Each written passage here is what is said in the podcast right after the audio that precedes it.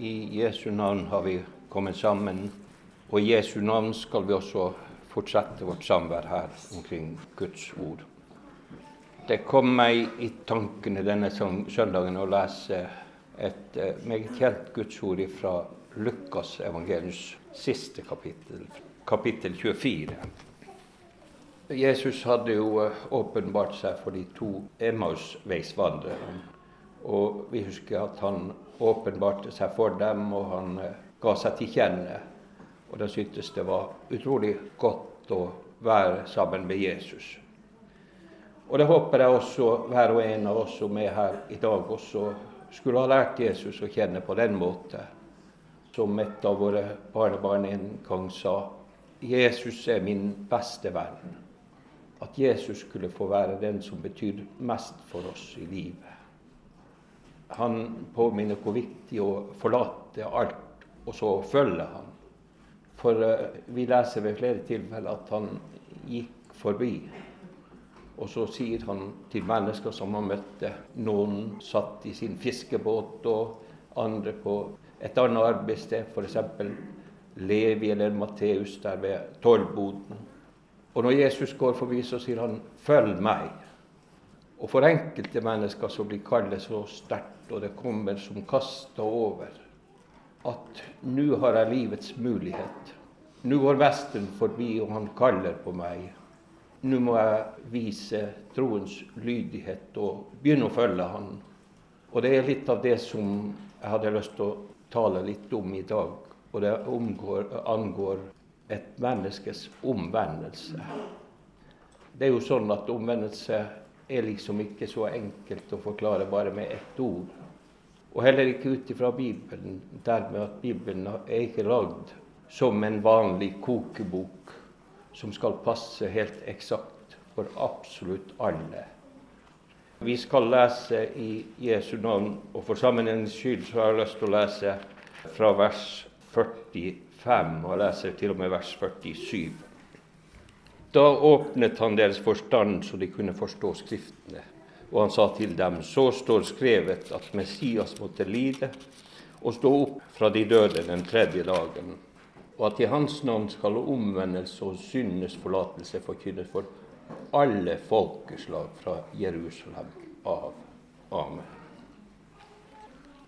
Det som skjedde her, var kanskje bare minutter eller noen timer før Jesus ble henta opp til himmelen av en sky da når disiplene ble stående der med blikket opp til himmelen.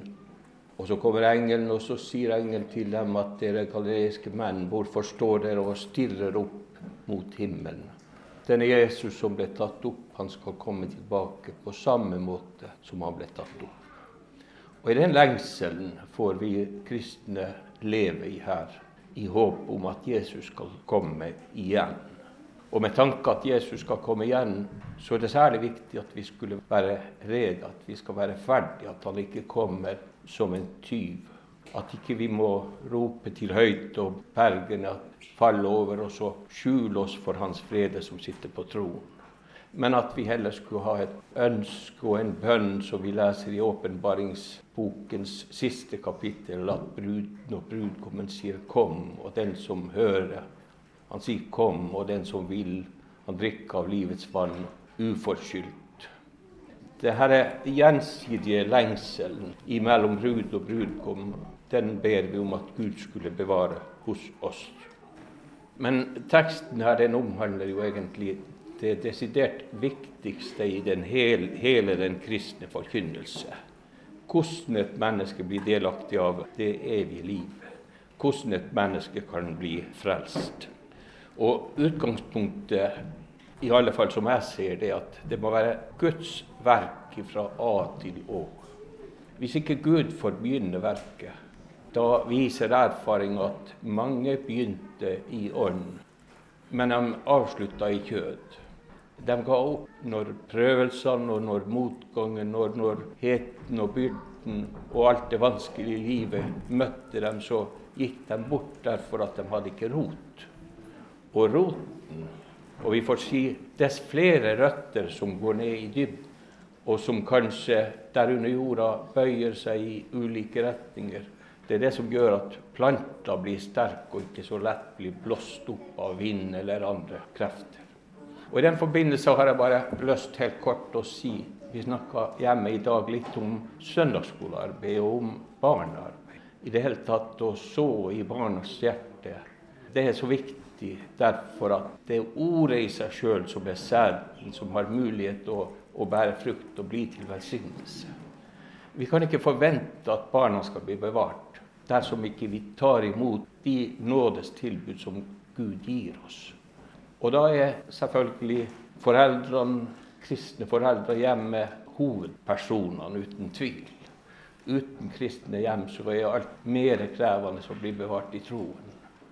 Og der behøver jo selvfølgelig både mamma og pappa å hjelpe til, sånn at man skulle kunne fostre opp i den kristne forsakelse og tro.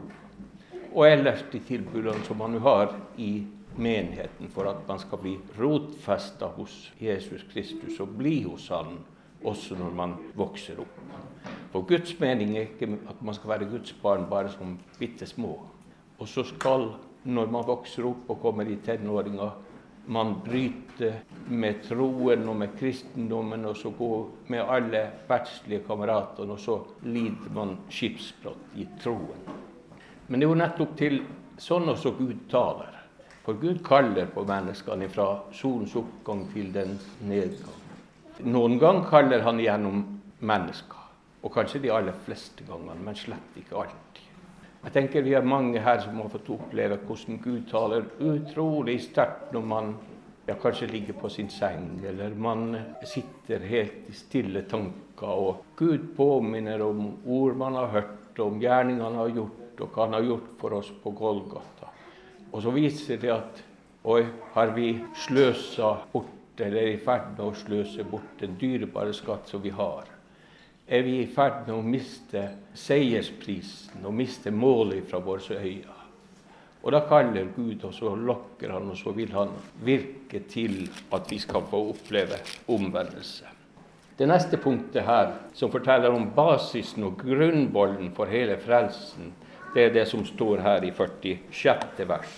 Så står skrevet at Messias måtte lide og stå opp på den tredje dagen. Uten det så vil alt håp være borte. Kristen forkynnelse som ikke har fokus på Jesu lidelse og død, på Jesu verk på Golgata, den er ingen sann kristen omvendelse. Men Paulus sier det sånn at han vil ikke vite av annet enn Jesus Kristus og han korsfesta. Og så kommer vi inn på det som nå er som hovedverset. Omvendelse og syndesforlatelse. Det er ikke så helt enkelt. For oss som er norsk, tror vi nå i hvert fall at vi vet hva omvendelse er. Men de som er svensk og finsk, de sier kanskje at kanskje ikke vi har riktig forstått at det er to ord. Det ene er betring, eller som man kanskje i, i gammel tid her snakker om forbedring. Og det andre er omvendelse. Og Utgangspunktet det er jo bare sånn at det greske grunnordet Et ord kan veldig ofte bety forskjellige ting. Og nødvendigvis er det ikke sånn det at eh, de to ordene Det er ikke det som er saken her, hva ordene egentlig betyr, men saken er den hva Gud får gjøre i sitt verk. Bare for å illustrere det her er forskjellen på det man tenker på bedring eller forbedring og omvendelse. Som jeg sa, i Bibelen og i grunnteksten så finnes det kun ett ord. Men de som har oversatt de har valgt å, å oversette til to forskjellige ord. Og det skal jeg forsøke å forklare. Men først Kanskje for en 10-15 år siden så oversatte man det såkalte Karl 12.s bibel, Nytestamentet, til svensk. Først oversatte man en svensk som kaltes da for reformasjonsbibelen. Og I den bibelen så valgte man å kalle det omvendelse. Og i den versjonen som ble ledet fra Finland, en tilsvarende som reformasjonsbibelen, en brun sak, Nye testamentet etter den kalde tolvtes oversettelse, så valgte man ordet betring. Og vi var samla noen predikanter og andre i et hjem nettopp i den tida når de skulle velge hvilke ord de skulle bruke. Og noen mente desidert Altså det eneste rette er bedring. Og som står faktisk i mange tilfeller, også i dag, i mange andre bibelsettelser, også i svenske bibler. Men nå måtte jeg si det på, på skøy at da er verken jeg eller noen norske rett kristen, for at vi har omvendt oss, og vi har ikke gjort vetring. Ordet bedring i Gamle testamentet, kanskje det kommer derfra, det var å kle seg i sekk og aske. Det kjenner vi til f.eks. For i forhold til Ninive og andre plasser der menneskene har blitt veldig kaldt sterkt av Gud, og man ser at nå kommer Guds straffedom over folket om de ikke verner seg om og, og søker Gud. Og Da ser vi at de kledde seg i sekk og aske. og Det betyr egentlig at man angrer si, så dypt som et menneske kan angre over sin onde vei. Og man innser det at Gud har rett i sitt ord. Gud har ikke skapt oss for at vi skal leve et liv i synd, borte ifra Gud. Han har skapt oss for at vi skal leve i samfunnet med ham. Synden er så ond med oss mennesker at den har ingen medfølelse. Den lokker, og den kaller oss bort ifra Gud. Og når vi har vært så dumme at vi adlyder synden og dens lyster, så kommer den og så angriper den oss, og så viser den at det er ingen mulighet tilbake. Ett ord i forbindelse med hva bedring eller en sann omvendelse kan bety, finner vi skrevet i profeten Isaias 55. kapittel, der det lyder først Søk Herren mens han finnes, kall på ham den stund han er nær. Og så står det som her Den ugudelige må forlate sin vei, og den urettferdige sine tanker. Og det skjønner vi. Har vi levd i verden, i synd, i verdslighet, har vi levd et liv i vantro imot en evig fortapelse, så kan vi ikke fortsette. Det sier seg sjøl. Vi må vekke fra den veien. Ja, fortest mulig, om bare Gud så tilsteder. Dermed så må en synder og en ugudelig forlate sin syndige vei og den urettferdige sine tanker. Og så skal han vende seg til Gud og omvende seg til Herren, så skal Han forbarme seg over han og til vår Gud, for han vil gjerne forlate alt. Altså så Der forstår vi hva omvendelse også, hva det ligger i det.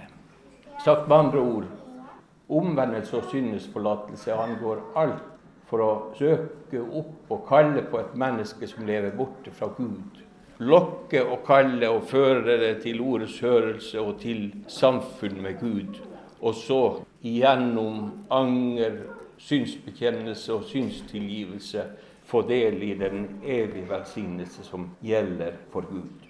Det er ganske lenge siden Markus fylte 75 år. Og så når han feira 75-årsdagen, så var bl.a. Valfrid Fellmann der. Og Valfrid forteller der når han sa noen ord, at han har alltid tenkt når det gjelder et menneskes omvendelse, at veldig sånn punkt A, B, C, D, E osv. Alt på prikken som måtte skje for at en omvendelse skulle være rett. Og for at en som hadde blitt et Guds barn, virkelig var et nådens barn og hadde del i Guds velsignelse.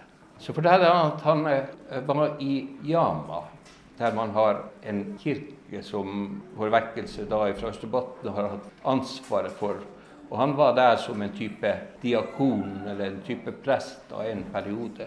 Og når han forkynte Guds ord, så så han ved flere tilfeller at Gud handla motsatt eller annerledes enn han hadde egentlig tenkt når det gjaldt hvordan Gud fører et menneske fra Satans makt til Guds verk. For han så det at han satt helt konkret og tenkte på visse personer som han visste ikke var en kristen. Og plutselig under ordet sørelse, så ser han at Guds ånd begynner å røre og arbeide mennesket. Og så fikk han sendt noen mennesker dit gjennom tolk og invitere dem til Isakristie for å samtale om det som angår sjelens salighet. Og da fikk han til sin store forskrekkelse se at Gud hadde gjort alt.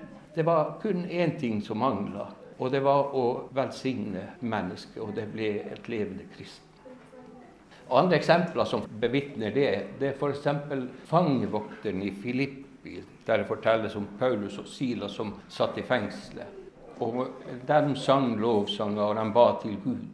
Ordet gikk inn i øret til fangene og til fangevokteren. Og vi husker Gud krep inn, og fengselets dører åpnes, og alle lenker og bånd løsna fra fot- og håndlenker.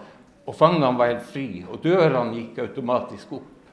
Så tar fangevokteren et sverd, for han visste at nå har han gjort en stor eh, feil i og med at ikke han har våka over at fangene er trygt bevart. Og så skulle han ta sitt liv, men så roper Paulus at gjør deg ikke noe ondt, vi er alle her. Og så ba han om lys, og så spør han at hva skal jeg gjøre for å bli frelst.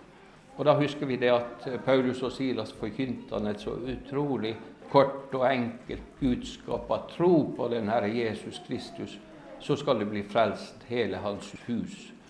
Og samme stund så tok han Paulus og Silas med seg til deres hus, og de hadde et måltid der, og de selvfølgelig feila glede at han hadde blitt et Guds barn. Og så står det videre da at eh, både sånn ble han og hele hans hus frelst. Og de ble døpt da, alle sammen. Det vitner Bibelen på ganske mange steder at når først en vekkelse bryter ut, og den ene mennesket kommer til tro, så kan Gud virke så brått at den syndenøden og i det hele tatt alt gjør Gud i løpet av et kort øyeblikk som menneske virkelig blir varig frelst og blir, blir et Guds barn. Altså er det Gud som kaller på mennesket, fra solens oppgang til dets nedgang. Det er Gud som skaper lengsel etter Gud. Det er Gud som vekker opp samvittighet. Men han gjør det. Ja, han gjør det gjennom sin lov. Men det er også en sånn Alle de her bibelske uttrykkene er litt vanskelige. I og med at noen har snevre betydelser. Det ene kan være f.eks. loven, som betyr Mose lov eller budene og truslene om straff og lønnene om velsignelse. Men så kan det mange ganger være i sånne videre betydninger, og da kan det bety noe helt annet. Samme også evangeliet. At evangeliet i det hele tatt det er jo det glade budskapet om Gud som sendte Jesus til verden. Og i visse tilfeller kan man tolke evangeliet så trangt, sånn som kanskje noen gang vi kan ha tendensen til å gjøre i vår svekkelse. At det er bare når man legger handa på hodet til en som angrer, etter at de har bekjent sine synder, og sier du får tro dine synder forlatt i Jesu navn og blod. Det er evangeliet i den aller snevreste betydningen. Og nå i teksten vår der det Jesus taler om omvendelse og syndesforlatelse, så er det i en videre betydning, som vi forstår. Altså må Gud virke troen i hjertet, ellers så får man jo ikke del i det. For troen er den som griper tak i det som Jesus har gjort, det som han har gjort ferdig for oss. Og til hele denne omvendelsen så hører jo også det at man får et nytt hjerte, et nytt sinn at Gud ved sin Hellige Ånd tar bolig i menneskets hjerte. Hjertebytte, ikke mindre enn det som vi leser om hos profetene. Han skal gi et nytt hjerte og et nytt sinn i oss. Det er Gud som virker det. Og det kaller man gjerne da for gjenfødelse. Og selvfølgelig det som da kalles for rettferdiggjørelse. Det betyr vi får fullstendig del i alt det Jesus har gjort det at vi på et øyeblikk blir et Guds barn, at vi får del i hans natur, at vi får del i hele hans verk. Sånn er det Gud som virker fra A til Å. I siste så har jeg lest Når man er pensjonist, så har man ikke så mye annet i disse tider å gjøre enn å makke sne og lese og handle. Så jeg har, eh, i og med at livet ellers tidligere har vært såpass travelt, og man ikke har tid å lese det man har lyst til å lese, så har jeg valgt å hente noe igjen av det. Jeg leste lest om Lestadius og hans såkalte omvendelse når han møtte sampiken Maria. Det er noe som jeg har lyst til å knytte noen ord til. Man tenker at Lestadius forkynte loven i 18 år der i Casuando. Men eh, egentlig så i alle fall mener mange det at han forkynte ikke loven, men han forkynte loviskhet. Det skjedde jo ikke noen sinnets og hjertets fornyelse. Det var nesten ikke noen mennesker som søkte Gud. Eh, sakristi og hans tilbud om kjælesorg og hjelp Det var ingen som brydde seg om å komme og spørre noe etter en tale. For han mangla noe. Han sier han mangla noe sjøl, både i forhold til sin gudstro og i forhold til hvordan et menneske kommer til fred med Gud i en god samvittighet. Før Lestadius så var jo presten Grape der. Han var riktig rake motsettelsen. Den ene forkynte bare loven, og den andre forkynte bare evangeliet. Under Grape sin tale så gråt menneskene, og latne så virka det som om ordet virka i hjertet. Men når de gikk ut av kirka, så var det ingen forskjell. Menneskene levde på prikken sånn som før. Altså ingen sann omvendelse og ingen omvendelsesfrukter. Så fikk jo Lestadius, da, etter at han tok den såkalte pastoraleksamen, ansvar å reise rundt som sånne på visitas. Sånn som vi noen ganger kan ha bispevisitas her i Alta. Der biskopen kommer for å se til kirkelyden og se hvordan åndelig står til. Sånn burde det i alle fall være. Og så reiste Lestadius rundt. da, og Så husker vi det at han kom til et sted som heter Åsele. Og der når han hadde holdt en skriftetale, så var det en kvinne der, en samekvinne, som hadde hørt på han, og hun tok kontakt med ham. For hun hadde truffet to prester tidligere, og nå var det den tredje presten hun traff. Og eh, den nest siste, det var jo han som heter Per Brandell. Og møtet med Brandell ble for samepiken, eller hun heter jo egentlig Milla Klemensdatter. Det ble total forandring i sitt liv. Det er ganske rørende å lese om hele hennes historie. Jeg vet ikke om den fins på norsk. Men i alle fall på finsk finnes hele hennes livshistorie. Hvor likedan liv som hun hadde som Lestadius. Mye, mye elendighet fra hjemmet. Med mye nød i sin barndom og i sin ungdom. Med lengsel etter Gud uten å, å finne Gud, og uten å finne fred i sin samvittighet. Og hun reiste rundt lange strekninger for å finne Gud. Og for å finne, forso, bli forsona med Gud. Og så kommer hun dit til Nora menighet, og der sitter hun og lytter på en ganske spesiell prest. Han heter Per Brandell. Og han var egentlig en som hadde vokst opp i de såkalte gammellesterne. Sånne skikkelig pietister med ganske om vi sier sånn tung kristendom med utrolig mye fokus på egen anger og hjertets sønderknuselse og utrolig lite nåde. Men så var det sånn at det fantes jo noen som kalte for herrenhuttere. Og det var igjen noen som hadde mye, mye, mer øye for evangeliet, som så hadde mye fokus på hvordan hjertet skulle bli sønderknust med å se på Jesu lidelse. Å være med Jesus i Golgata og se Jesus på korset. Og blodet, Jesu blod, var noe vesentlig i deres teologi. Og så var det sånn at denne utbrytergruppa fra gammelleserne ble kalt da nyleserne. Eller de Lestadius kaller for de av mild lesere av mildere slag. Og de hørte Brandel til. Og Brandel sin forkynnelse han var veldig spesiell. Ja, hele tida i Sverige var meget spesiell derfor at Gud virka så sterkt at det var, menneskene var veldig, hadde gudfrykt og hadde en lengsel etter Gud men det var ikke så mange som fant Gud. Og Nora menighet hadde en stor kirke som rommet 2000 personer. Og dit kom ofte Kirka var så full at det helt til den siste plass var fylt opp for å høre på Brandell. Og det som var spesielle med han, som jeg tenker, som Lestadius sier, som mangla hos han i løpet av hans 18 år i Carsuando når det gjaldt det som heter nådens orden, det var at Brandell han han forkynte for, Jesu forsoning. Og han forkynte ikke på den måte syndens forlatelse som, som kanskje vi er vant med her.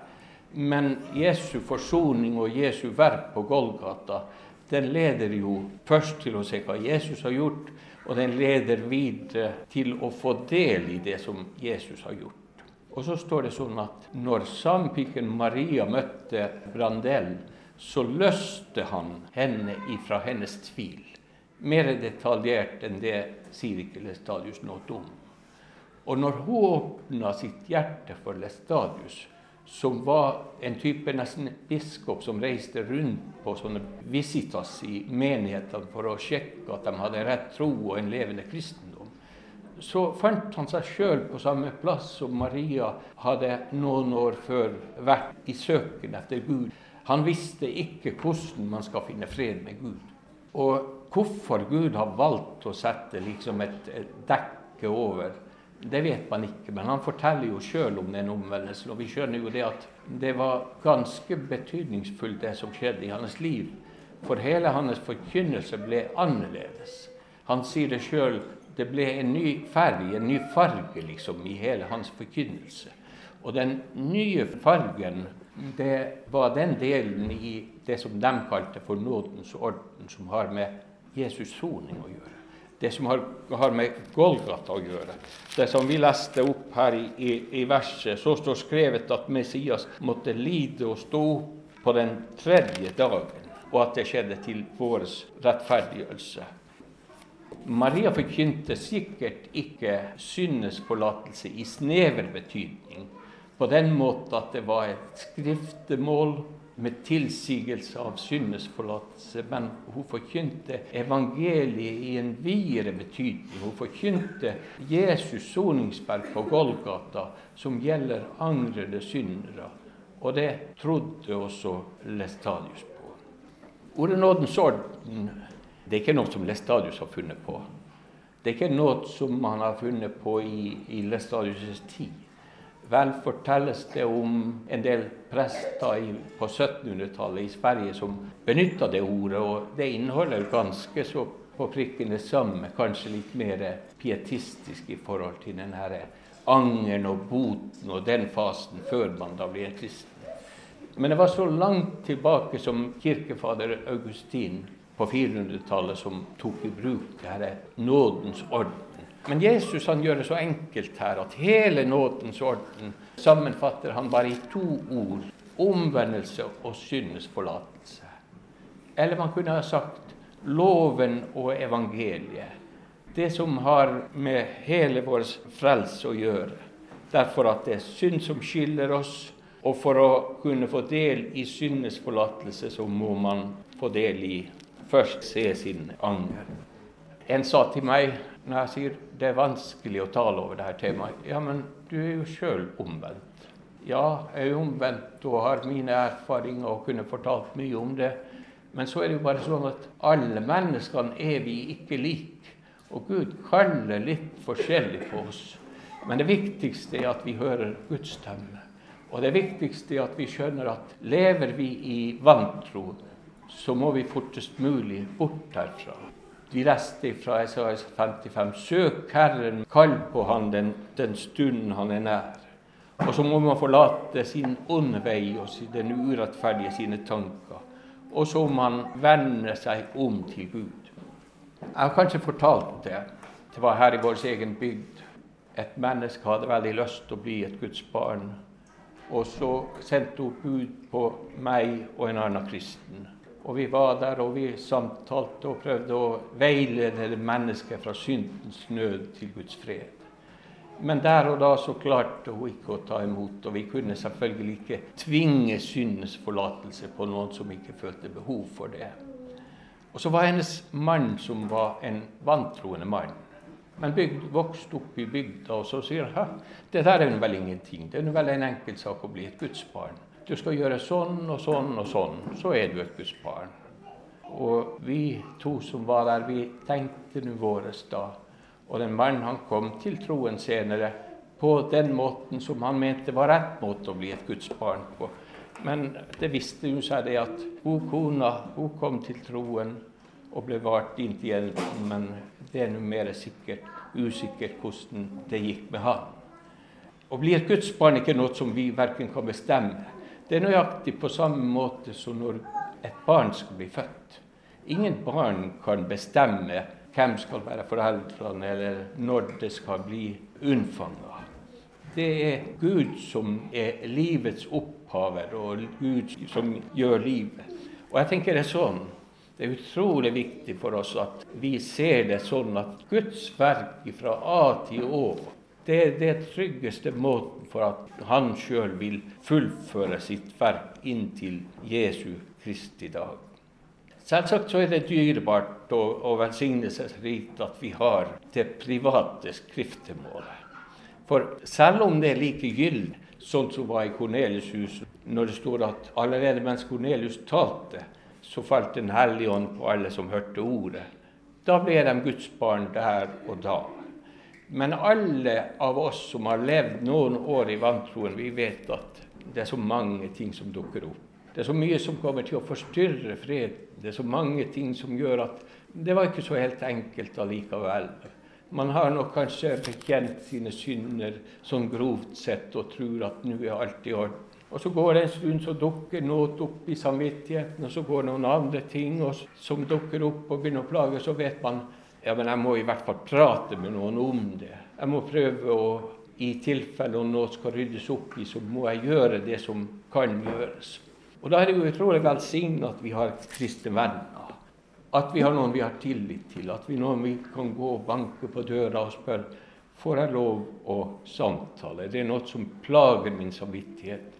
Jeg får ikke fred. Det ligger der gang etter gang, og det er liksom kommer i veien sånn at jeg ikke ser målet fremfor mitt trosøye. Og erfaringa viser at om man ikke da viser lydighet, og snakker ut om det som blir vanskelig. Så kan det gå sånn som Erik Bentin skriver i sitt lille hefte, 'Syndenes forlåtelse', at den sekken som man bærer på, får så mange stein, og den blir så tung at til slutt så gir man opp. Man klarer ikke, og så blir man etter på veien. Å bekjenne sine synder er ikke det å bli et Guds barn. Det er en troens frukt for at vi skal bli bevart som et Guds barn. Men det behøver vi også å, å, å, ta vare på ved Gud om at han skulle hjelpe oss til å sette stor pris og benytte oss av det alltid når det er behov for det. Og som avslutter Jesus da Dere er alle vitner om. Altså Vi er vitner om at det viktigste budskapet for oss når vi skal søke opp mennesker, det er å påminne dem om at en gang skal vi alle mennesker stilles fremfor Guds domstol. Jesus Kristus han er gitt til dommer over liv, levende og døde. Hans innerste og hjerteligste vilje at alle mennesker skulle bli frelst og komme til sannhetens erkjennelse. Og for deg og meg så er hans vilje det at vi skal bli bevart inntil han en gang skal forhåpentligvis få si til oss Kom, min Fars velsignede, og ta imot det rike som er beredt for dere før verdens grunnvoll ble lagt. Han vil vi takke, pris og ære i Jesu navn. Amen.